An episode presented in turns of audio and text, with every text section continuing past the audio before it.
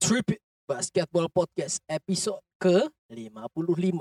Di episode kali ini kita akan ngobrolin tentang karena momennya pas kita akan ngobrolin tentang MVP, Coach of the Year dan Executive of the Year. Tapi sebelum Yoi. itu ada personal news ya. Ini eh, waktu ini tappingnya ditunda sedikit nih karena tiba-tiba Hmm. ada kesalahan bodoh saya ya. Iya, Jain mens. Nggak gitu. keluar darah, keluar darah Keluar ya. darah. Jain mens. Iya, keluar darah tapi di jari tengah ya nih. Iya. You. Iya. Iya. Ngomong kotor. Pagi enggak tuh? Iya, intinya eh, ada sedikit berhal apa ya tertunda sedikit lah ya jadi tapping kita Hmm. jadi rada larut waktu Hmm. tapping gitu tapi tetap cue the music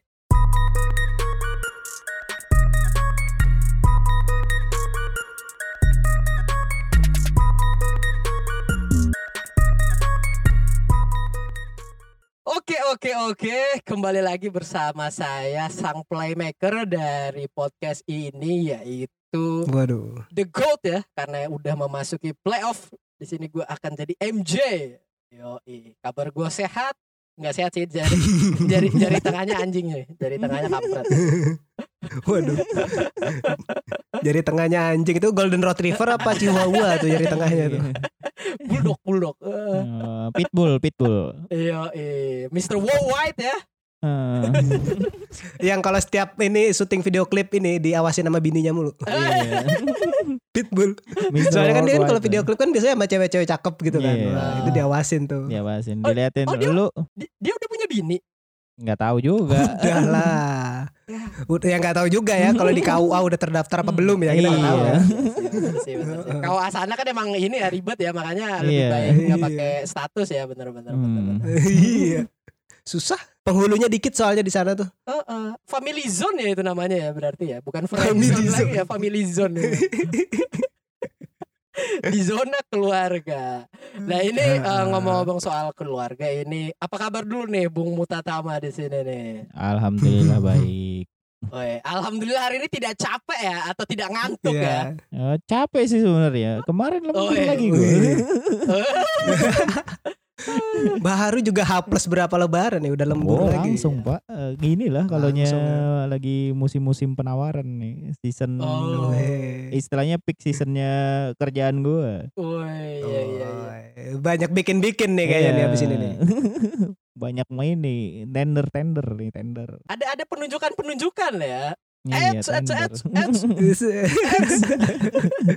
Iya dan di sini terakhir ada co-host ya, uh, co-playmaker shooting guard kita ah, yaitu Oh, sekarang iya. resmi namanya menjadi playoff Rudy. Apa kabar dulu nih, Bung playoff? Play in tapi belum habis tuh, play in belum habis. Bodoh amat, bodoh amat. Gue capek. udah yang gampang dia ini aja yang gampang disebut aja udah. Ah, ah. Nanti salah-salah mulu kayak Ah, eh, episode kemarin tuh Ah, berapa? Tiga kali lebih salahnya. Iya. Benar. Iya, iya. WhatsApp WhatsApp semuanya. Gua lagi berbahagia sekali karena NBA itu kayak 21 free di Epic Games. Iya. Silahkan diklaim di Epic Games. Klaim aja dulu mainnya ntar kapan. iya, nggak tahu kapan. Iya. Sampai tanggal 27 ya. Gua aja. PC bapuk memberanikan diri untuk ngeklaim. Anda Anda nih eh, enak ya, saya yang punya PS tidak ya? Harus Iya. beli ya. Iya, tetap Di sinilah harus. saatnya pengguna konsol PS dan Xbox itu tidak bisa jumawa ya. Iya. Ah, tapi Final Fantasy 7 remake gratis, Pak. Jadi ya, Hmm. saya bisa Oh. jumawa sedikit lah ya. Hmm. Walaupun saya Iya, shit iya. waktu main ya, oke? Iya. Eh, Pa- pa- paling paling di PC nanti Desember free-nya ya enggak gitu. Iya. Eh, Jain 2K21 kayak bisa main aja gitu kan ya. eh, Wah, Ya, kan si anjing nih gak pernah menang loh sama gue loh. Kenapa dia sombong? ke situ ya. sekali. Oh, iya. Tetap gua hitung gua pakai pelikan gua inget anjir. gue tuh udah sampai sekali tuh ah kasihan lah. Ngalah aja lah. Eh enggak ding itu masih adaptasi apa game nyatakin sih. Tapi eh, ngobrol-ngobrol soal 2K juga kali ini kita akan ngobrolin 2K in real life ya. Waduh. Waduh. Tuh kayak Gua- Gue gak ngerti juga nih sambungannya gimana bodo amat yang penting disambungin. Yaitu kita akan Oke. ngobrolin tentang pebisnis pebisnis gitu. Eh Hede. yang yang pangkatnya itu kalau di job street tuh eh, dicarinya eksekutif gitu. Wah. Hmm. Oh. Oke oke. Exmut exmut nih exmut. Iya. Iya. Nggak muda juga sih, tua-tua ini biasanya. Tua-tua. Tua-tua ini. Isinya udah hubanan semua. Eh, eh, Iya, ini excot berarti excot ya. Iya. Eksekutif bangkot. ini ini Iya. escort. Ini escort. Ah, Escort. ini yang hitungannya bulu jembutnya aja udah putih nih. Aduh. Saking tuanya. Tahu-tahu kin yang jemputnya udah ada ubannya kin ya kin. Saking stresnya ya yang di rambut udah nggak ini, Hmm. udah penuh langsung turun ke bawah. Iya, jadi ngobrol-ngobrol soal pria-pria yang jemputnya udah putih ya. Anjing dilanjut pula. Ya kita di sini ada eh, dua kandidat gitu, nggak banyak gitu kan. Yang pertama eh, Mm-mm. dan ini semuanya kita sekali lagi obrolan tripit di podcast adalah obrolan takin ya. Jadi ini semua adalah fatwa, ilham, wahyu takin ya di Wahyu. eh, eh, ini iya. ini supaya ini nih ngeinin salahnya ke gua gitu ya. ya udah tahu kan? iya, intinya gitu sih, lepas tanggung jawab aja Iya, karena jawab telah turun 10 perintah taki. bukan Ten commandment 10 nih. perintah Tuhan, bukan. Ten commandment.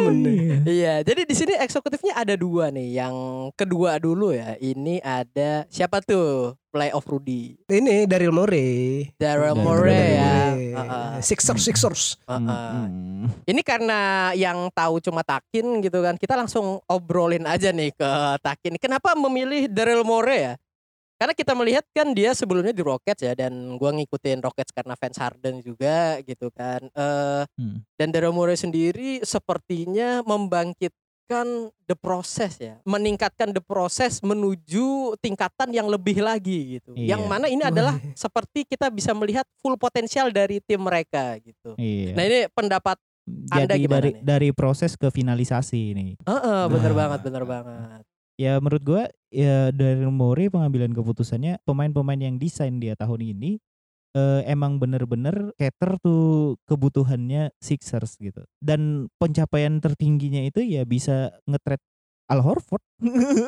Bener, itu pen- itu bener. pencapaian paling bagus itu. Bener, bener. pencapaian paling bagus ngelot kontrak pemain tua yang kontraknya gede. sampai OKC aja ya, sampai OKC aja tuh waktu Al Horford kan sering absen ya. Gue tuh sering Iya. lihat dari ini kan. Eh apa alasan absennya gitu. Old Iya. gitu kan. Playing Iya. golf with Ru- Lou Dort gitu. Alasannya kayak gitu ya.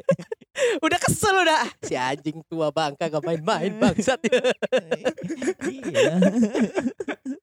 itu susah banget sih. Itu udah dapet partner trade aja udah syukur banget itu. bener bener bener bener bener. Heeh. Sama yang desainnya dia pun sesuai kebutuhan gitu kayak kan eh, problem Sixer di musim sebelumnya adalah nggak punya three pointer gitu nggak punya apa ya Hmm. eh, yang buat nge-stretch lapangan gitu dengan desainnya Seth Curry, Danny Green itu udah pemain yang tepat gitu yang desain terus tambahan veterannya Hmm. juga bagus-bagus tuh George benar. Hill salah satunya kan Nah. Nah, itu emang yang dibutuhkan sama Sixers gitu Dwight Dwight nggak dimention nih Dwight. Ya sama Dwight Howard juga Hmm. kan kelihatan kan berkontribusi banyak. Tuh Lakers tuh sayang Ah. banget tuh kehilangan banyak ini pemain apa pemain role player ya tuh. Dwight Ah. Howard, Javel McGee yang seharusnya bisa ngebantu banget tuh. Eh, Yang nggak- Jadi ini alasan alasan lu ya nanti eh, Lakers nggak Iya. back to back ya. Eh ya iyalah. Eh, Lakers cukup di first round aja kayaknya. Jokic mania. Tergantung kondisi LeBron sih Ah, sebenarnya. Eh Anda lihat kemarin kondisi LeBron itu nggak fit loh, day to day loh masih di ininya. Ya maksud dan- gua kan itu kan main kan. Maksud gue itu Iya. main gitu. Kalau LeBron gak main ya sudah selesai. Oh, iya. Kalau LeBron nggak main, wassalamualaikum warahmatullahi wabarakatuh. Udah sibuk packing aja pemain Lakers ya. iya. Itu ini untung banget nih LeBron masih bisa main gitu. Kalau nya ankle-nya kambuh lagi waduh ya Allah. Ya Allah. Udah udah istighfar, takin udah istighfar ya. Waduh ya Allah. Udah istighfar. Ya siap-siap aja gitu. Ngelihat cuma di first round aja. Ah, Tapi berat juga sih kalau nya untuk back to back sih. Walaupun dengan kondisi normal pun masih masih berat juga. benar, buat benar, Lakers. benar. Tapi kita lihat aja ya, karena kita gak ngob- ngobrolin Lakers, kita ngobrolin Sixers dulu nih ya. Dan Iya. melihat juga del- eh, dengan komposisi apa tadi desain pemainnya ala Daryl Morey ya. Yang kita lihat Hmm. kan kalau di Rockets kan penuh statistikal nerds gitu ya. Eh, angka Iya. adalah teman dan lain-lain gitu ya. Walaupun di akhir-akhir angka bukanlah teman gitu kan.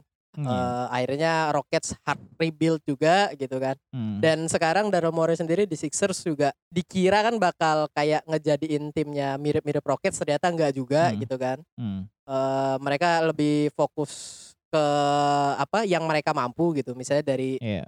Dari defender mereka yang sebenarnya bagus-bagus semua gitu kan. Hmm. Dan juga apa ya? Ini yang menurut gue sih revalasi Joel Embiid sih yang paling ketara sih. Kita Iya. melihat full potensialnya Joel Embiid itu sangat luar biasa gitu loh. Walaupun rada-rada ya beberapa miss game juga sih Joel Embiid yang masih jadi masalah kan eh, apa ya eh healthnya Joel Embiid gitu nggak dia Heeh. tuh Hmm. sering banget gitu cedera gitu Heeh. Availability-nya emang susah juga gitu kan. susah iya. Dan bakal menarik juga buat di playoff nanti. Karena kan kita udah lihat ini kan wajah baru Sixers ya hitungannya gitu kan. Ini wajah baru Sixers gitu. Dan nanti di playoff lawan siapa sih? Kok gue lupa ininya. sama Will berhasil nge, nge apa ya ngebangun identitasnya di defense kan ini. bener, bener, bener. iya bener. Sixers Iya. Hmm. Benar, benar, benar. dan Ya, itu pinternya Mori sih dia tahu potensialnya Sixer di mana gitu jadi nambahin instrumen-instrumen pemain-pemain yang memang build on Joel Embiid gitu jadinya Dan dan ini juga maksudnya ini kan dari defense eh, apa ya? Bukan maksudnya tuh tetap dari angka ya. Dia ngelihat angka, oh ini bagusnya di sini, gua bakal maksimalin di sini gitu. Bukan Iya, build o- bukan kayak ngoyo gitu loh. iya build on their strength gitu kan jadinya Mm-mm. oke kira-kira potensinya mereka di mana gitu sama kayak potensinya Rocket kan first round exit second round exit gitu Eh jadi si anjing, situ. Western Conference Final dong. tapi ya kalah-kalah juga kan potensinya dia ngeliat oh kayaknya bakal kalah mulu biar iya. Ini Ya, Makanya pindah deh ya. ini kayaknya karena udah ngomol, ngobrolin Rockets ini kita eh, pindah topik aja nih ke tim yang berhasil mendapatkan star player dari Rockets ya. Yaitu adalah Iya. eksekutifnya Brooklyn Nets. Nah, ini Iya. namanya siapa tadi? Eh Sean playoff Rudy? Marks Eh playoff Rudy dulu, playoff Rudy dulu. oh boleh Sean Marks. Nanti nanti yang sitakin gue hapus Iya. ya. gini. Nah ini eh melihat gue nggak nggak ketakin dulu ya ini gue mendingan lebih ke mendengar dari opini playoff Rudy dulu gitu. Nah ini kalau dari anda ini kan melihat siapa sih tadi kok gue jadi lupa lagi Sean Marks. gitu. Nah eh, bukan Sean Marion. Bukan Sean Marion. Tadi pas briefing gue tuh ya, Sean Marion. Iya, shout out buat playoff Rudy yang di masa lalu ya. Gue kira shoutout buat Sean Marion. iya, jadi eh, apa sih tadi gua ngomong? Menurut lu nih gimana nih dengan apa ya? Segaganya dari tahun kemarin mereka berhasil ngedapetin KD dan Kyrie gitu kan walaupun nggak main Hmm. selama semusim juga si KD-nya gitu. Dan musim ini mereka berhasil ngedapetin Harden gitu. Yang mana awalnya luxury sekarang jadi necessity gitu. Karena rekornya nggak ada Harden Hmm. di regular season tuh jelek ya. Nah ini kalau dari Iya, dari lu nih iya. gimana nih playoff Rudy? Ya ini ya kayak visioner gitu ya. Sebenarnya kan setelah yang pas trade kemarin itu yang awal musim kemarin itu kan gue menyayangkan si Karis Levert dibuang gitu kan Benar, di benar, trade. benar. Dan bahkan diganti dengan Harden yang gua kira gitu sebagai orang yang awam Mhm. eh, nggak cocok mereka bertiga gitu kan. Dan ternyata lebih cocok dan lebih powerful net setelah kemasukan Harden dan si siapa lagi sih? Blake Griffin Ya Black Griffin gitu. Di situ sih. Maksudnya kayak seperti kata Takin pas di briefing, susah loh kayak ngumpulin star-star kayak gitu dan dengan hasil yang mereka klop di satu tim yang sama Benar. gitu. Biasanya kemakan ego kan masing-masing kan. Ternyata ini kan enggak ya di sini. Mm-mm. Soalnya ini pemain-pemain yang di trade ini udah pernah jadi cover 2K semua. Iya. sama nge-trade-nya pun susah tuh kan buat ngedapetin eh, Harden itu eh three team trade apa empat team trade lah Tri, tri, tri, tri, tri. Kayaknya, kayaknya tri deh. enggak empat tim Empat tim. Oh. empat tim empat tim trade yang terlibat itu kan eh, Brooklyn Cleveland terus Houston Rocket sama Indiana Pacer Hmm. Nah, Levert tiga kan ke tim Pacers ya. Tiga kan iya gua bilang Levert ke tiga tadi. Pacer empat deh Tiga apa empat yang bener nih. Ya kalau sama sama Nets sih empat. Pacer.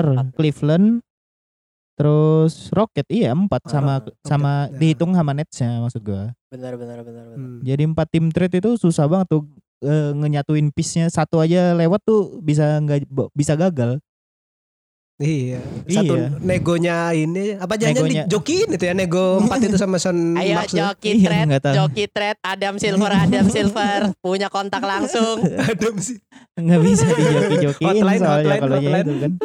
bener. Nah, kayak dulu pernah ada di three trim trade eh, pas mau nge-trade Allen Iverson satu piece nggak berhasil akhirnya gagal gitu kan.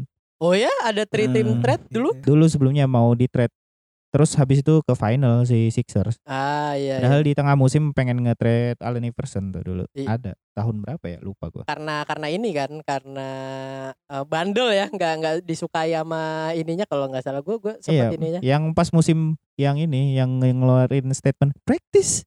You wanna talk about practice? iya, Talking iya. about practice, man. berapa berapa kali 12 kali apa dia ngomong tentang latihan? Iya. Gagalnya gara-gara gara-gara satu salah satu role player si Sixers waktu itu kan nggak mau di trade gitu. Mm-mm. Akhirnya gagal. Nah, ini untuk ngehasilin apa negosiasi buat ngedapetin Hardet itu susah banget karena Hmm. ini kan salah satu akuisisi yang block blockbuster lah kita bisa bilang blockbuster. Benar benar benar benar benar. Ya ini udah kayak Hollywood ya dan maksudnya ini adalah eh, star yang kalau kita lihat ya ini sangat megah gitu loh. Iya, walaupun akhirnya jadi banyak yang kesel juga ya ininya ya. Wah, ini menghancurkan. Enggak ding yang menghancurkan dulu cuma GSW doang waktu itu menurut KD, fans. KD dong. Padahal ini empat empat star. ya enggak juga Black Griffin kan waktu di Piston kan yang musim-musim ini kan juga udah pada bilang West juga kan. iya wasted. karena ininya juga apa performanya nggak nggak terlalu bagus juga gitu udah udah eh, karir low waktu itu dan di Nets kan ya Iya. kepake jadi role player juga kan ujung-ujungnya Iya. tapi gue balikin lagi nih ke lu nih selain pulling pulling itu berarti emang speciality-nya pulling eh, apa ya mega trade itu ya yang bikin lu ngerasa bahwa eksekutif of the year-nya jatuh pada Sean Sean Mary Iya, soalnya Sean Maria. Sean Marks. Sean Mark Ya mungkin salah satu yang bisa di highlight ya di situ gitu maksud gue. Tapi ngebikin it works itu juga ngambil apa ya? Ngambil the audacity untuk melakukan salah satu move ini ya itu udah udah appreciated gitu. Udah pulling the head off gitu kan. Karena nggak mudah juga. Benar benar benar benar. Wah ini ini Hmm. emang luar biasa sih pendapat ini ya. Soalnya kan eh, kalau misal eksekutif order kan ya biasa ya kita bisa melihat mungkin eh, eksekutif dari Utah Jazz gitu kan yang mana timnya se Ya. long term plan-nya mereka works gitu kan dan mereka Tapi kan tahun ini nggak ada move sama sekali. benar sih nggak ada move sih iya sih. Iya, nggak ada move sama sekali. Kan itu kreditnya lebih kepada coach kan. Ah iya iya iya iya. iya. Iya, kalau ini kan kreditnya gara-gara move yang dibuat musim ini yang akhirnya membuat eh, bisa naik gitu kan. Oke Sam, Sam Presti ya. Iya, Sam Presti making some move. Man.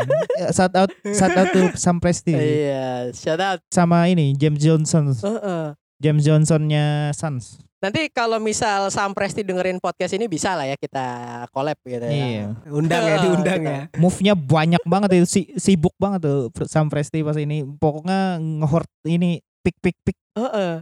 Dia udah kayak Bitcoin ya, hold, hold, gitu. Iya, hodl, hodl. hodl, hodl, ya. Ngapain di hold udah, murah, udah. Nunggu hancur lagi saya masuk ya. Eh ingat. saya nunggu hancur sekali lagi. Tolong. Siapa tahu jadi milioner kan 10 tahun ke depan kan kita nggak tahu Hmm. gitu. Tahu-tahu bisa beli Lakers Siapa kan. yang tahu? Itu sih nggak bisa. Beli Lakers. Nggak ada yang mau tahu juga. Iya, mahal tuh billionen. Heeh. Jadi melihat Mm-mm. eksekutif of the year juga memang melakukan ini ya hard bargain ya. Kalau nggak melakukan blockbuster Hmm. move gitu kan. Karena Sam Presti gitu, Sean Marks juga perlu diacungi jempol gitu. Tapi yang paling jelas utama gitu ya. Kalau dari Tripit ini eksekutif year adalah Sean Marks. Karena emang terlalu Iya. susah pulling off something like that gitu kan. Dan ya kita akan beralih ke Coach of the Year. Ya, Steve Nash bukan deh? Enggak. Iya Steve Nash kayaknya. Steve Nash lebih Steve Nash ya. lebih banyak dibantu pemainnya sih kalau menurut gua. Iyalah. Ini kayaknya masuknya motivator of the year. yang penting dia pokoknya ayo main lebih bagus lagi. Ayo. Iya. Gan bate minna. Tapi lu tahu kan, eh, Mike D'Antoni kan dulu eh, nge-coach Nash gitu kan dan sekarang jadi asisten pelatihnya Steve Nash gitu kan. Dan dia tuh Iya. pernah diwawancara gitu kan. Eh, dulu waktu di Suns, waktu dia ngelatih Suns gitu, lu taktiknya gimana? Enggak, gue nggak pakai taktik gitu kata Mike D'Antoni. Gue serahin ke Steve Nash semua di lapangan. Makan gaji buta si bangsat. Kena karma. Enggak juga sih. Tapi taktiknya Mike D'Antoni emang khas sih kalau ketika di Suns gitu. Revolusioner sih Iya maksudnya. benar-benar. Karena dia pace-nya begitu cepat gitu. Ya sa- sampai sekarang ya asistennya yang dulu jadi asisten Mike D'Antoni kan Monty Monty Williams ngelatih Suns lagi gitu kan. Benar benar benar. Maksudnya dari dari Mike D'Antoni sendiri juga dia apa ya? Pioneer setelah hand checking itu dihapuskan kalau nggak salah, dihapuskan sama sekali gitu. Iya. Makanya pemain kayak Steve Nash Mm-mm. langsung apa? eh, show up gitu kan. Karena emang Iya. udah bisa lebih leluasa bergerak gitu. Tapi ngobrol-ngobrol soal coach of the year nih, kita ada tiga ya. Kalau di NBA coach of the year siapa sih? Eh playoff Rudy ini? Eh, ada eh, lima kandidatnya tuh ada ini Coach Uh-uh. Booth, Mike Budenholzer, terus Tyron Lue, Tom Thibodeau, Monty William, sama Quinn Snyder. Hmm. Kalau dari Tripit nih gimana deh? Kalau dari tripit siapa nih Ken? Nomor tiganya Ken? Siapa nih Ken? Eh, nomor nomor tiga. Hmm, kalau nomor tiganya sih kayaknya Tom Thibodeau sih kalau menurut gue. Tom Thibodeau ya, Ah. Wah, luar biasa. Iya, Tom Akhirnya Thibodeau. ya eh, metode kerja Rodi Tom Thibodeau itu berhasil Ah, gitu. Iya, berhasil. Tapi nggak tahu sih eh, dua tahun ke depan kerasa efeknya. tuh. Kerasa efeknya dua tahun ke depan, fatigue-nya tuh bakal kerasa. Biasanya. Mulai encok, Biasanya. kerja baret mulai ini, Biasanya, mulai tapi- apa asam Iya, urat. tapi yang yang terbukti gitu kan eh, Tom Thibodeau bisa ngebangun apa ya? Yang jadi spesialisasinya gitu, defense gitu kan. Dia bisa nge- Ah. ngebangun defense-nya New York sampai bentuknya yang kayak sekarang gitu. Jadi bagus gitu kan. Benar benar terbukti benar. works gitu. Sama dia bisa nge apa ya nge-utilize eh, Julius Randle sebagaimana mestinya gitu dan juga RJ Barrett sih kelihatan kan bagaimana dia memfungsikan Julius Randle dan RJ Barrett gitu difungsikan dengan minutes 40 gitu kan. ya, 37 menit. 37 menit. tapi eh, ngobrol-ngobrol soal apa ya coach tim Thibodeau ini juga Kayaknya kita udah kebanyakan ngobrolin Knicks, kita langsung beralih ke peringkat dua aja. Nah, iya. Udah bosen pak, udah bosen pak. Ah, ah, ah. Pokoknya intinya tim Thibodeau Iya. berhasil lah ya. Berhasil. Masuk versi tripit gitu kan. iya. Masuk versi tripit. Padahal sebelumnya kena salty mulu ya Iya. musim lalu ya. Iya, kita. karena tahun ini kelihatan gitu kerjanya gitu Ah, kan. ah, ah. Dari Knicks yang Ah. sampah gitu jadi bisa playoff gitu Bener. kan. Bisa playoff tapi eh, nggak bisa Bener. dibilang eh, nggak sampah nggak apa gimana nih? Sekarang udah udah nggak sampah Iya. apa gimana nih Kit? Ya udah bagus Udah lah, bagus, masuk oke, playoff oke, kan. oke. Tidak ter ini ya, eh, judgementnya tidak Iya. cloudy ya, takin ya kalau udah ngelihat Iya. sesuatu. udah bagus lah, udah masuk playoff kok. Ternyata bukan fluke, ternyata bisa bertahan. Iya.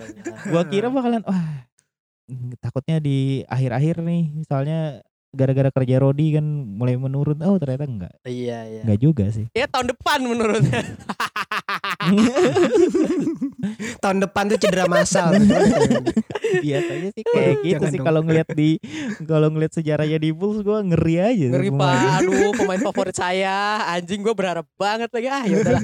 Soalnya, soalnya setelah itu kan banyak yang banyak yang cedera gitu. Derrick Rose salah satunya kan. Joakim Yang Noah, high profilnya Gibson, Iya, Lu Holding juga cedera, Mm-mm. terus Joakim Noah juga cedera kan. Ah, setelah setelah habis Thibodeau, habis itu pemainnya yang lain-lain itu udah udah jadi sampah semua jadi ya. bener bener. Langsung bener. turun tuh. Bener. Kayak Joakim Noah kan kelihatan banget dari defensive of the year sampai ini udah nggak ada di NBA lagi atau jadi jadi bench warmer doang. Na- number 4 MVP loh sempet loh dia. Iya, defensive pas musim ini dia jadi defensive of the year itu. Heeh, makanya se- segila itu loh. Tapi ya itu dihabisin. Iya, habis sih. Lu Holding kan dulu juga digadang-gadang wah bagus nih two way players, two way player. Akhirnya habis, habis cedera habis. Habis. Putra handal juga. Nah makanya kita daripada berlama-lama lagi, ya udahlah kita langsung peringkat dua nih. Siapa nih eh playoff Rudy? Nomor dua eh, Queen Snyder Iya, dari, iya.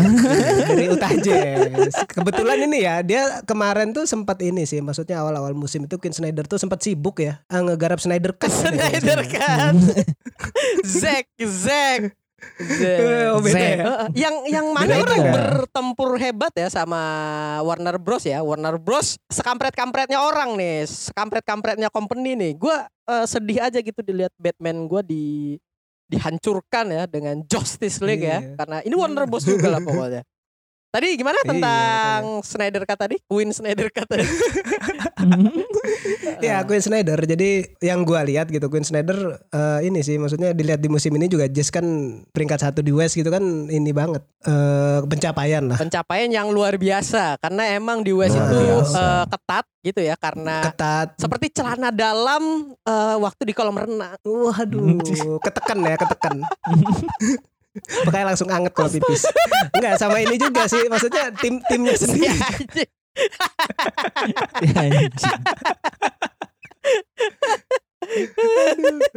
Enggak kalau kalau dilihat gitu, Iya. Jazz sendiri juga dia nggak ada, maksudnya timnya sendiri nggak ada movement trade trade pemain. Jadi emang seperti yang di uh, Executive of the Year yang tadi, yang katanya si Takin kalau Jazz ini emang kontribusi terbesar ya dari coach kenapa bisa jadi lebih baik dari musim lalu. Tapi ngobrol-ngobrol soal coach kontribusi apa aja sih yang bikin si Snyder ini menjadi nomor dua nih di di lu nih Kin. Maksudnya apa perubahan yang paling ketara dari musim lalu dan musim ini gitu, terhadap Utah Jazz ini ya? Iya sebenarnya nggak ada perubahan yang apa ya? Kalau menurut gua sih eh, nggak ada perubahan yang apa ya? Signifikan? Yang berarti gitu. Mhm. Tapi di yang jelas defense-nya sih lebih lebih solid gitu. Lebih solid daripada musim-musim sebelumnya gitu kan. Hmm. Dari Hmm. dari musim kemarin udah emang identitas eh, defense-nya kelihatan gitu. Build on Rudy Gobert gitu kan. Tahun ini bisa lebih bagus lagi sama bisa nge-utilize lagi Mike Conley gitu dengan bagus. Yang musim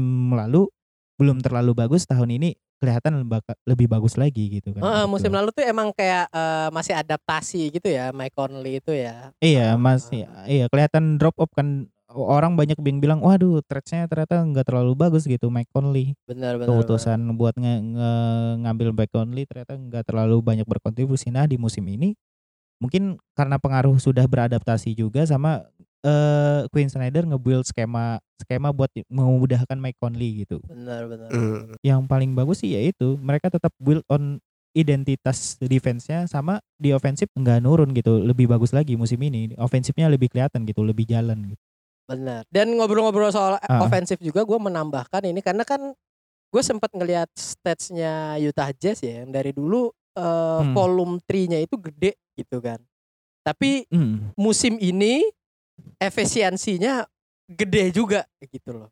Nah, itu Iya. itu yang paling kelihatan dari Utah Jazz musim ini gitu kan. Eh, dia Hmm. pergerakan bola yang bagus gitu dan ditambah dengan three point three point shootingnya yang tangannya pada wangi gitu. Tangannya tuh Waduh. Iya. wangi-wangi gitu. soalnya Mhm. tahun ini lumayan nih banyak yang wangi nih Donovan Mitchell juga lagi wangi Bener. si Bok Bojan Bogdanovic juga lagi bagus juga Bener.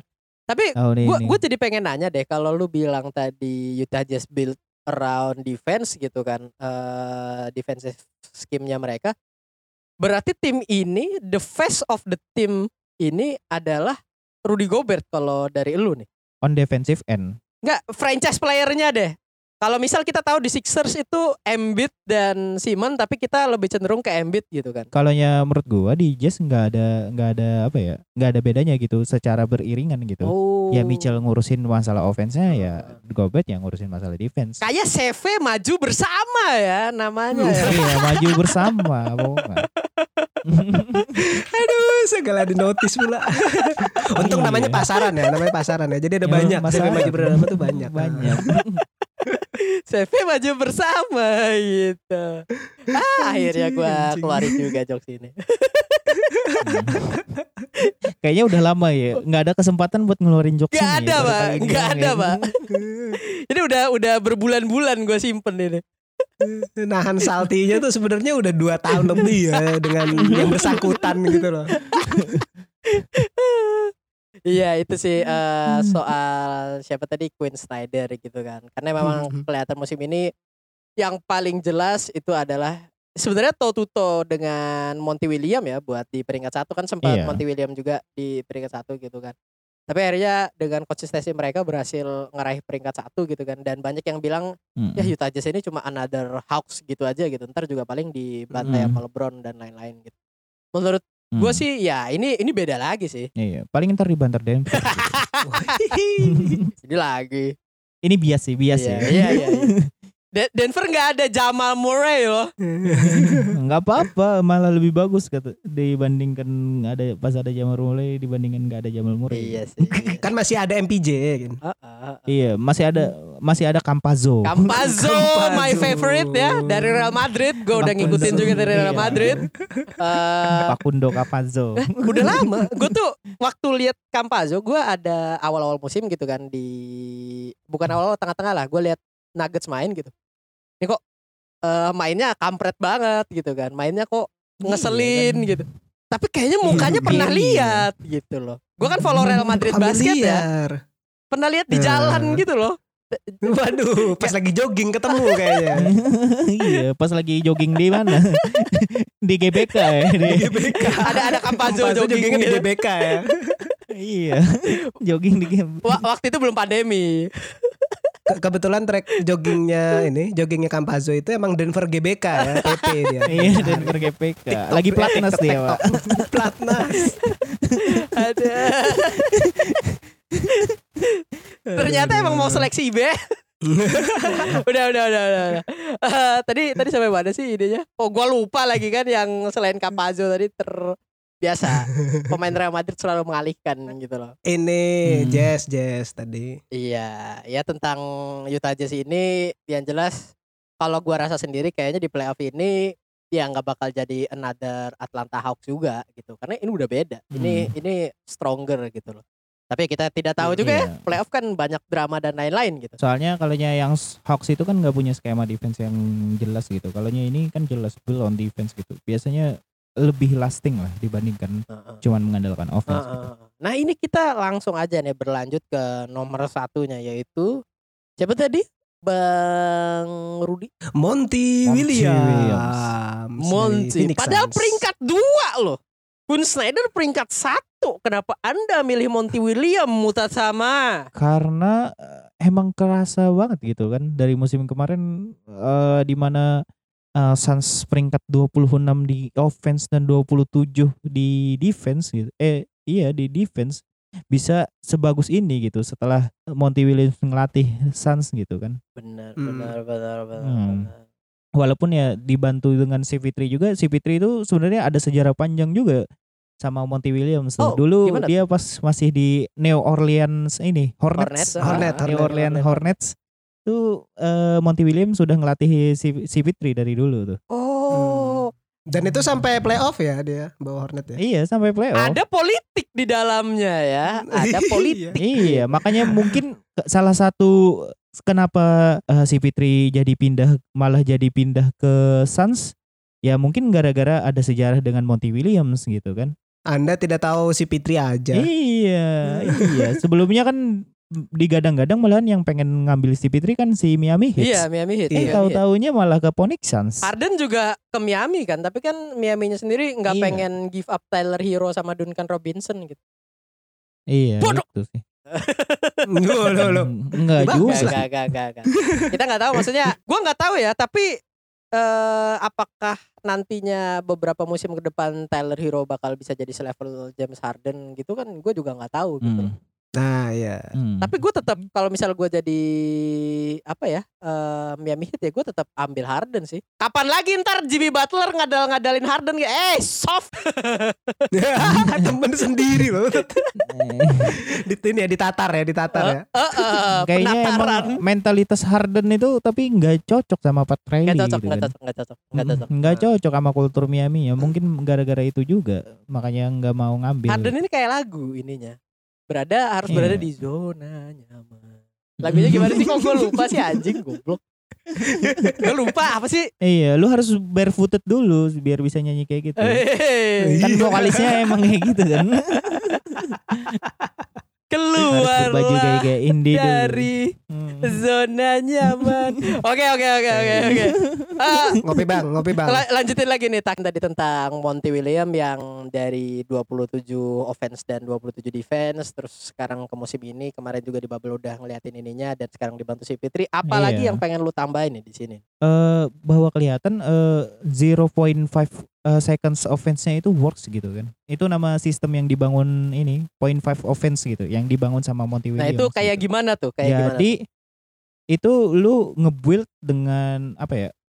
Eh pokoknya lu punya waktu setengah setengah detik untuk eh, melakukan membuat sebuah keputusan atau entah itu lu mau shoot, mau ngepas atau ngedrive gitu. Oh. Jadi bola nggak lama-lama gitu. Oh. Jadi cep setengah detik udah harus udah harus ada keputusan yang lo ambil entah itu mau ngepas atau mau nge-shoot, mau drive. Makanya ini harus dijalankan sama floor general yang bagus. benar benar benar benar. Oh. Nah, itu ketika udah punya floor general yang bagus, ya itu jadinya sistemnya jalan gitu. Kalau kemarin kan masih nanggung gitu floor generalnya Ricky Rubio kan. Ah, ah, ah. Iya, Nah, benar. ini ketemu si Fitri, oh udah. Gaspol. Gaspol. Dan dan ini Gaspol. luar biasa ya maksud gua tuh musim kemarin itu adalah eh Sun sendiri masang Devin Booker buat jadi playmakernya mereka gitu loh. Nah, Hmm. eh terjadi peningkatan asis juga waktu musim kemarin gitu. Gua nggak tahu statsnya musim ini Devin Booker gimana gitu, tapi kayaknya beban ngasih passingnya Devin Booker tuh jadi berkurang kalau sekarang ya karena udah ada si Fitri ya. Ah, Malahan kalau menurut gua lu cara nge-utilize Devin Booker bukan dengan ngebebanin dia, ngasih dia offensive workload buat nge-play eh, jadi playmaker juga. Dengerin gitu itu kan. Doc Rivers, Anda waktu make kawai Iya. gitu salah bos. Iya, Heeh. makanya ketika eh, pas di bubble kan yang jadi playmakernya kan Ricky Rubio. benar gitu benar kan. benar benar. Jadi Mhm. kelihatan Devin Booker lebih fokus kepada scoringnya gitu. Iya iya iya. Nah Ah. sekarang makin lebih lebih enak lagi dia nggak perlu mikirin ya udah serahin ke Chris Paul aja gue taunya pokoknya gimana caranya gue eh scoring gitu. Heeh, Iya. Apalagi Malah lebih dari bagus. Chris Paul pula ya. heeh. Iya dari Chris Empuk Paul itu pula. biasanya empuk tuh. Mm-mm. Sama juga kan bisa nge-utilize eh, DeAndre Ayton juga si Chris Paul. Kelihatan nih DeAndre Ayton tahun ini peningkatan peningkatannya Dan ada DeAndre gitu, kelihatan. sacrifice ya di tahun ini ya. Maksudnya dia eh, potensinya Hmm. di mana, dia malah arah mainnya ke mana gitu. Udah udah beda jalur sama Iya. sama potensinya di awal gitu kan. Dan DeAndre Ayton Hmm. sendiri bilang eh, I'm okay with that gitu kan. As long as the team get Hmm. the win gitu. Menurut gue ini sih eh, pengorbanan yang bagus juga gitu dari DeAndre Ayton sendiri sih.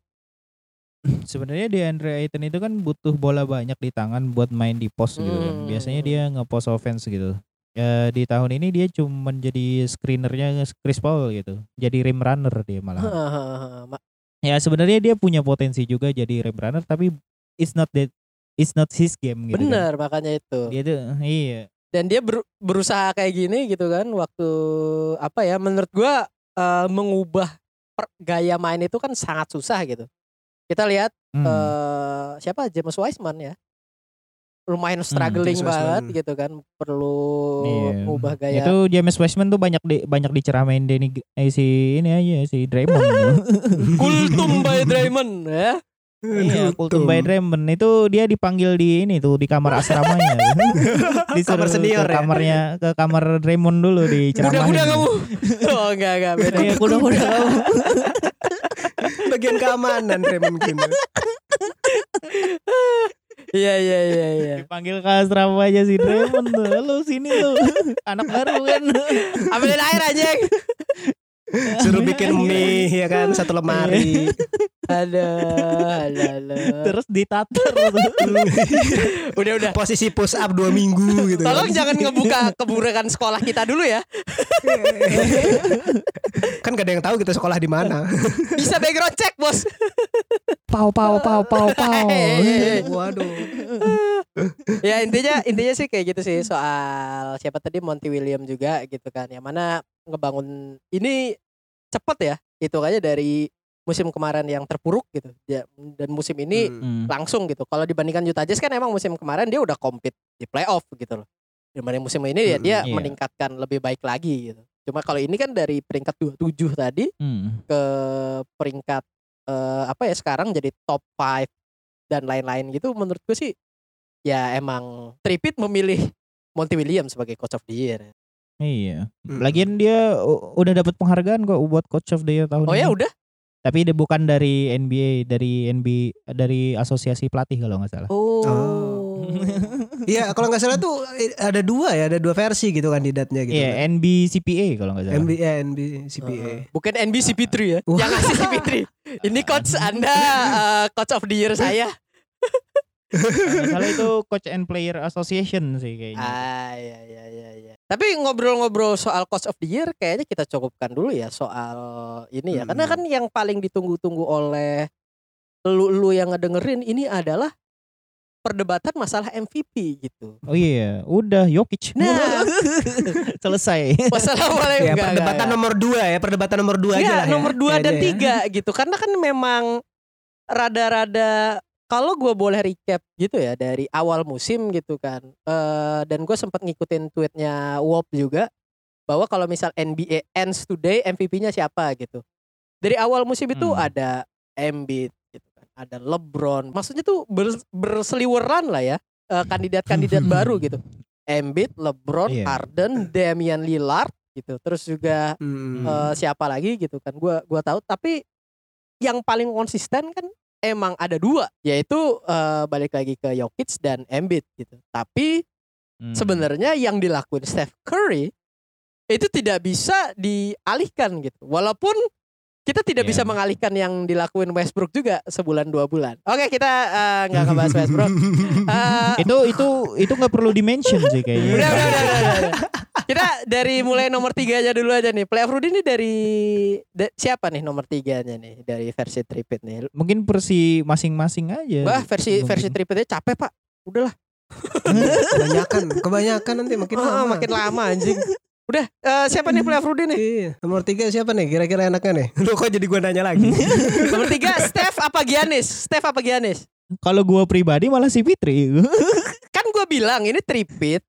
Kalau di podcast ini wah eh, obrolan lu ini adalah wahyu ya. Jadi Iya, bukan tadi. Steph Curry ya. Nomor tiga aja di tripit ya. Wah, luar biasa sekali nih. Ini tapi tapi tapi walaupun kayak gitu tapi secara number sih eh, Curry sih nomor tiga kalau Tapi lu secara bias CP3 ya. secara bias mungkin antara si Fitri atau Giannis Antetokounmpo. Oke masukin CP3 ya Iya. eh, Rudy Slamdang jadi eh, nomor tiganya eh, CP3 aja nih. Statsnya gimana nih CP3 nih? Si Fitri, Chris Paul untuk musim ini dia 16 poin per game, 4 total rebound, 8 assist dengan field goal 49%, field goal 3 39%, free throw 93% dan effective field goalnya 55,7% per 21 dan winning share-nya 9,2. Winning share 9,2 itu sih hal yang luar biasa. 9. Bener bener bener. Iya. Karena emang kalau winning share gede-gede itu biasanya di playmaker ya. Soalnya dia banyak Yang ininya, kontribusi banyak kontribusinya. Hmm. Kontribusinya Ah, banyak. asisnya tuh nggak 8 sih, hampir 9, 8,9. Oh iya, soalnya. 8,9 ya. Asisnya Iya, kok hampir 8,9. Yang di mana secara karir tuh 9,4 dia. Dan dia asisnya. lead Iya. eh, free throw Iya. percentage musim ini ya si CP3. Iya, musim ini 934. Hmm. Hmm. Nah tapi gue langsung mau nanyain aja gitu kan. Karena kan gue sama playoff Rudy kan tidak memberikan opini apa-apa ya terhadap si Fitri ya. Kita kan lebih ke Steph ya di sini ya. iya, kayaknya lebih ke Steph. Ah, ini- Gimana nih kok bisa jadi si Pitri daripada ah, Steph? si nih? Fitri overstep aja deh. Iya iya iya. Gimana gimana. Iya. Iya, ini udah udah dibahas sebelumnya sama Tete ya. Bener, bener. Eh, iya kan inget kan sama si si siapa sih? Adit, Adit, Adit, Adit, Adit. Adit. Shout out buat Adit. ya karena emang eh, apa ya? Kalau gue pribadi sih ya karena emang kelihatan banget gitu stuck kontras dibandingkan belum ada si Fitri sama pas ada si Fitri. Lu gitu kan. pokoknya ini ya terpaku sama Eh, winningnya ya. ya kan valuable. Benar benar. Tapi kan valuable itu nggak nggak cuman masalah eh, kontribusi lu di start board gitu, tapi juga di kemenangan. kan. benar benar benar. Kan angkanya di antara dua situ kan. Hmm. Iya. Betul, betul. Tapi kan yang dilakuin Mm-mm. Steph Curry ya, eh, kalau gua bilang Steph Curry and bunch of bum. Astagfirullahaladzim. ya itu nggak, bisa dialihkan juga. Kalau kita bicara masalah itu juga Yanis Antetokounmpo lebih luar biasa juga. Eh, Kan musim angkanya masih tetap sama kayak MVP seasonnya. Ah, Kalau lu mau ah, lihat benar benar benar. malahan lebih bagus daripada daripada yang lain dan itu berkontribusi ke winning Hmm. juga. Makanya gue gue bilang tadi antara si Fitri sama Giannis Antetokounmpo gitu. Wah, kan. Malah Steph Curry nggak masuk sama sekali. Anda Anda fans The Nation ini ya ya udah. Iya. Eh, ya Steph Curry di peringkat 5 gitu. kan. iya, Iya. iya. Iya, peringkat eh, tiganya tie antara Chris Paul sama Giannis Antetokounmpo. Enggak ada peringkat empat ya, enggak ada peringkat. Nggak ada. Jadi itu tie itu kan antara Giannis Antetokounmpo. Men- menurut gue gitu. NBA masukin ini juga karena narasi juga ya. Ini MVP.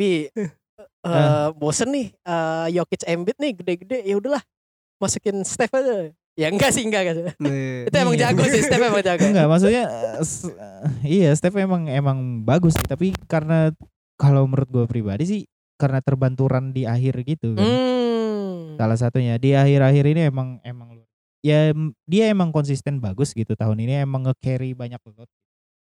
Tapi ya balik lagi ngelihat ke winningnya juga gitu. kan. Benar benar. Selama ini kan MVP juga bergantung sama winningnya juga Benar. gitu. Ketika lu nggak menang ya nggak bisa juga. Benar. Dan biasanya ya the best player on Mm-mm. the best team ya biasa banget nih kecuali yang kemarin kalau nggak salah ya Iya. Russell Westbrook eh, MVP season karena emang ngeke bahasanya nge-carry dan first triple double season in history after Oscar Robertson ya itu Hmm. kan emang historik ya kita bisa Iya. bisa Hmm. ngobrol itu gitu.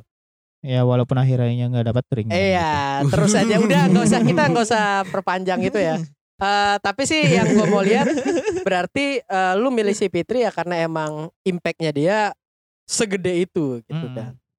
Iya, sama gue juga mau mention Giannis tuh kayaknya orang nggak banyak mention. Ah, karena gitu gue pernah lihat Hmm. sebuah tweet gitu ya, Giannis itu waktu having bad game nggak ada yang peduli, waktu having good game nggak ada yang peduli juga musim ini, gitu.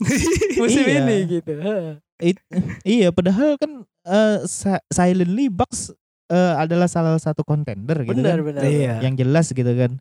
Eh, sama juga ya Giannis tetap mempertahankan eh, apa ya? eh, angkanya dia, productionnya dia malahan lebih ba- lebih bagus tahun ini menurut gue dibandingkan MVP seasonnya gitu karena musim ini lebih efektif loh dia Uh, dan Hmm. menitnya lebih banyak ya Ah. daripada musim lalu ya. lebih banyak tapi nggak nggak sebanyak yang lain gitu. Tiga tiga doang. Iya, dulu kan 30.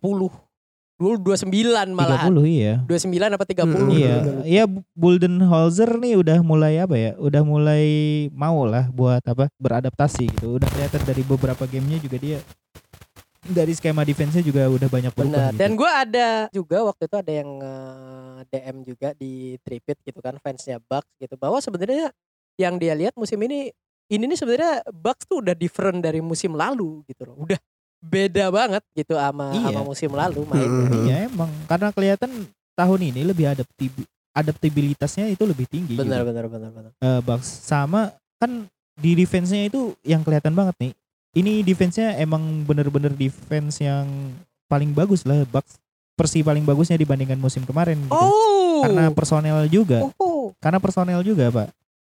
Kalau musim kemarin kan eh eh, Bledsoe. Hmm. Ah, sekarang punya Jrue Holiday which is the the underrated eh, the best underrated ini defensive guard gitu kan.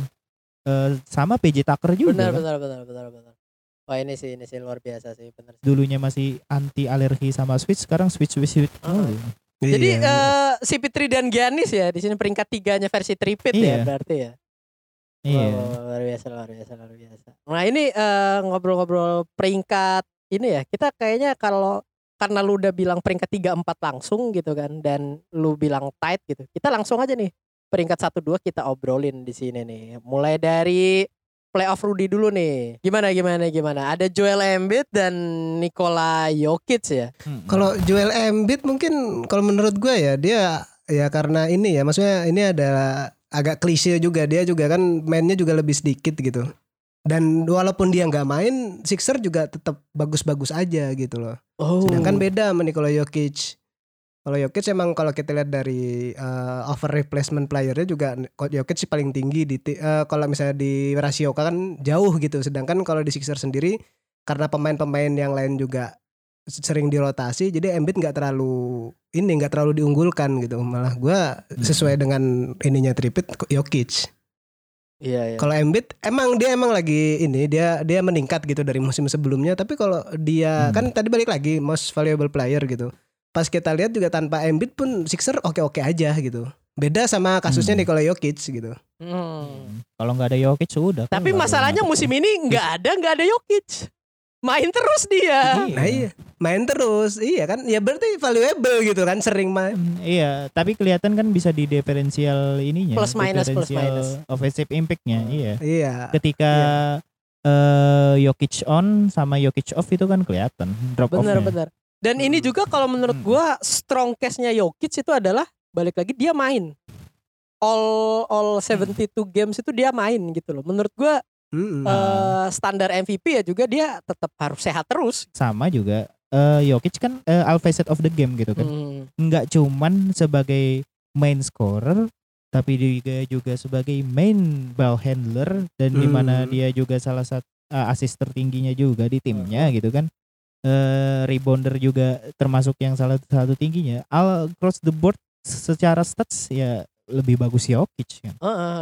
Ya walaupun kelebihan Embiid ya di defense impactnya dia gitu kan. Iya. Di mana di mana Jokic eh, kalah di situ gitu. Tapi di kalau dibandingkan dua dari tiga poin gitu kan, ya eh, Jokic menang di dua gitu. Hampir diimbang di hampir di scoring dan tapi menang aja di playmaker gitu. Hmm. Ya. Playmakingnya dia. Tapi kalau boleh berandai-andai ya menurut kalian berdua nih. Kalau misal Embiid sama mainnya 72 game gitu kan. Dan Jokic juga sama Hmm. dengan statistik yang mungkin eh Embiid lebih naik sedikit lah ya karena lebih sering main gitu.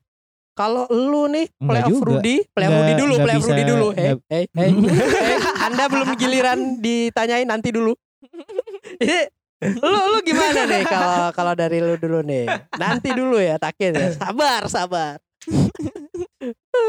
Aduh. Ini gua dulu nih Iya, ya. iya, iya. Sebenarnya gue sealur aja sih sama Takin. Oh. lebih ke ininya dia statistiknya stretch. Kalau Jokic lebih lebih banyak gitu. Dia lebih banyak kontribusinya gitu. Sedangkan eh, dia sama-sama big man juga posisi juga sama-sama big man tapi Jokic bisa kontribusi bola. Dia bisa eh, apa namanya dia scoring juga terus dia juga bisa defense juga gitu. Dia jadi floor general juga gitu di tim. Eh ya kalau dibilang valuable ya lebih valuable Jokic karena lebih banyak skill setnya gitu daripada Embiid. Iya. Hmm.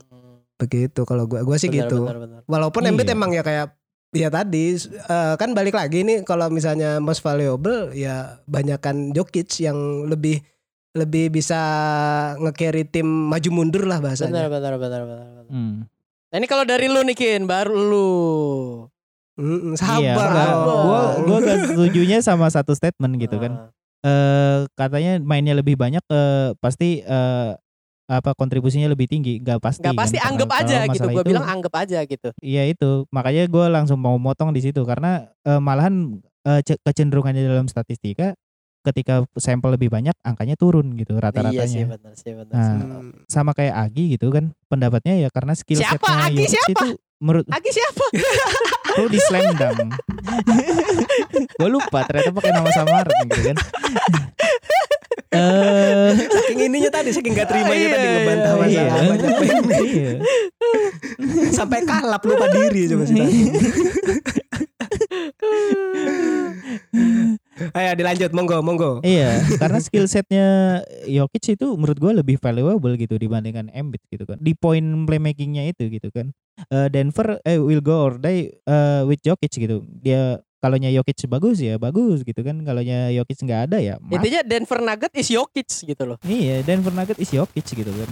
Bergantung banget sama Jokic gitu. Hmm. Karena eh, build-nya emang build around Jokic gitu kan. Sistemnya eh, offense scheme-nya pun dia kan build around Jokic gitu. Benar. Dan case terkuatnya lagi adalah he can do it without Jamal Murray gitu loh. Jabal Murray, Hmm. nah itu dia. Dia bisa berdiri sendiri gitu kan, bisa nge-carry tim Gue ulangi jokes gitu. gua dulu ya. Berdiri di atas semua golongan. Yakin lanjut lanjut walaupun apa tadi? ya itu dia kan poinnya di situ lagi. gitu. Ah. Nah, ini eh, yang mau lu sampaikan dulu nih terhadap apa ya mungkin ada fans Steph gitu kan yang Karena kan di versi tripit nih nggak Hmm. nggak nggak masuk ya Steph di sini ya peringkat lima lah. Hmm. Peringkat Wah, lima nih. Ah. Ya, ya masuk masuk conversation juga tapi ya di pinggir-pinggir. di warung. Obrolan warung. di, Heeh, di bagian di bagian yang suburban gimana? Suburban. Dasar. Aduh. iya iya. Di pojok-pojok. Ya angkanya sih ya emang secara kontribusi gitu poinnya ya emang paling tinggi kan eh Steph Curry gitu di musim ini. Tri gitu. paling banyak gitu kan. Iya, 32 points per game gitu kan. Ah. Tapi kan kalau misalnya lu bilang eh gue bilang tadi kan Denver is Jokic gitu kan menyimpulkan perkataan lu. Ya sebenarnya kan Curry is warrior gitu loh. Karena kan gak ada Curry shit Hmm. aja warriornya gitu kan. Iya, tapi kan ya nggak menang-menang banget banyak Iya juga. sih, ada, Malah iya. menang menangnya banyakan Jokic Iya sih. kan. Iya oke. oke. Oke. menangnya kan banyakan Oke. Jokic. Udah. Iya karena Sebenarnya kalau MVP, eh, MVP conversation ini di situ sih beratnya. Maksudnya Iya, walaupun the best ini- player on the best team Benar. gitu. kan. ini ini Itulah. ini player udah eh, kerja rodi ngoyong ngeluarin poin yang nggak ngakal tapi kalau timnya Hmm. kalah ya sama aja hampir kayak Sama aja. gue gue gitu. bakal bakal bilang Iya, juga ya waktu kayak- zaman Giannis MVP kan James Harden tetap top skor ya waktu itu ya MVP pertamanya Giannis gitu. Karena kan rekornya GSW eh rekornya Bucks lebih bagus. Rekornya Bucks lebih itu kan. bagus gitu. Waktu itu eh, Rockets peringkat Iya. 4 apa 3 gitu gue lupa gitu dan Bucks satu gitu ya. Tetap yang Hmm. dipilih Giannis gitu. Walaupun secara angka Iya. historik juga mereka berdua sama-sama historik gitu loh. Eh, Harden Sama-sama Harden historik. ngelakuin yang kayak zaman-zaman Will Chamberlain eh, mecahin rekor gitu. Giannis Hmm. ngelakuin efisiensi yang luar biasa dengan menit play yang eh, sedikit juga gitu kan. terbatas. Ya akhirnya bakal milih the best player on the best team gitu sih. Tapi bukan Donovan Mitchell. Karena emang ini MVP itu biasanya ya kayak gitu kan. Hmm, Gimana pun ya pasti the best player on the best team gitu. benar benar. Karena lu ngeliat value-nya di situ bervalue value-nya value kemenangan sama value production Benar benar benar benar Itu.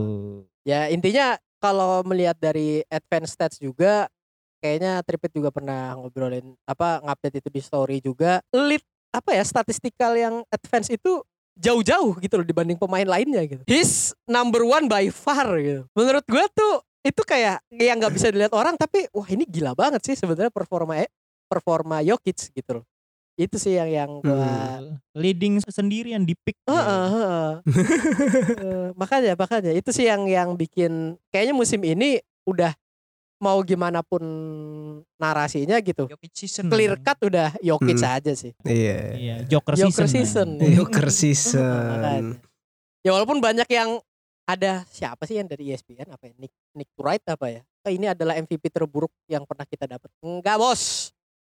Enggak, Bos. Enggak bos, namanya MVP segimanapun MVP ya tetap Eh, iya gimana lah. sih? Iya. Tapi enggak setuju juga MVP terburuk dari mana. Weh.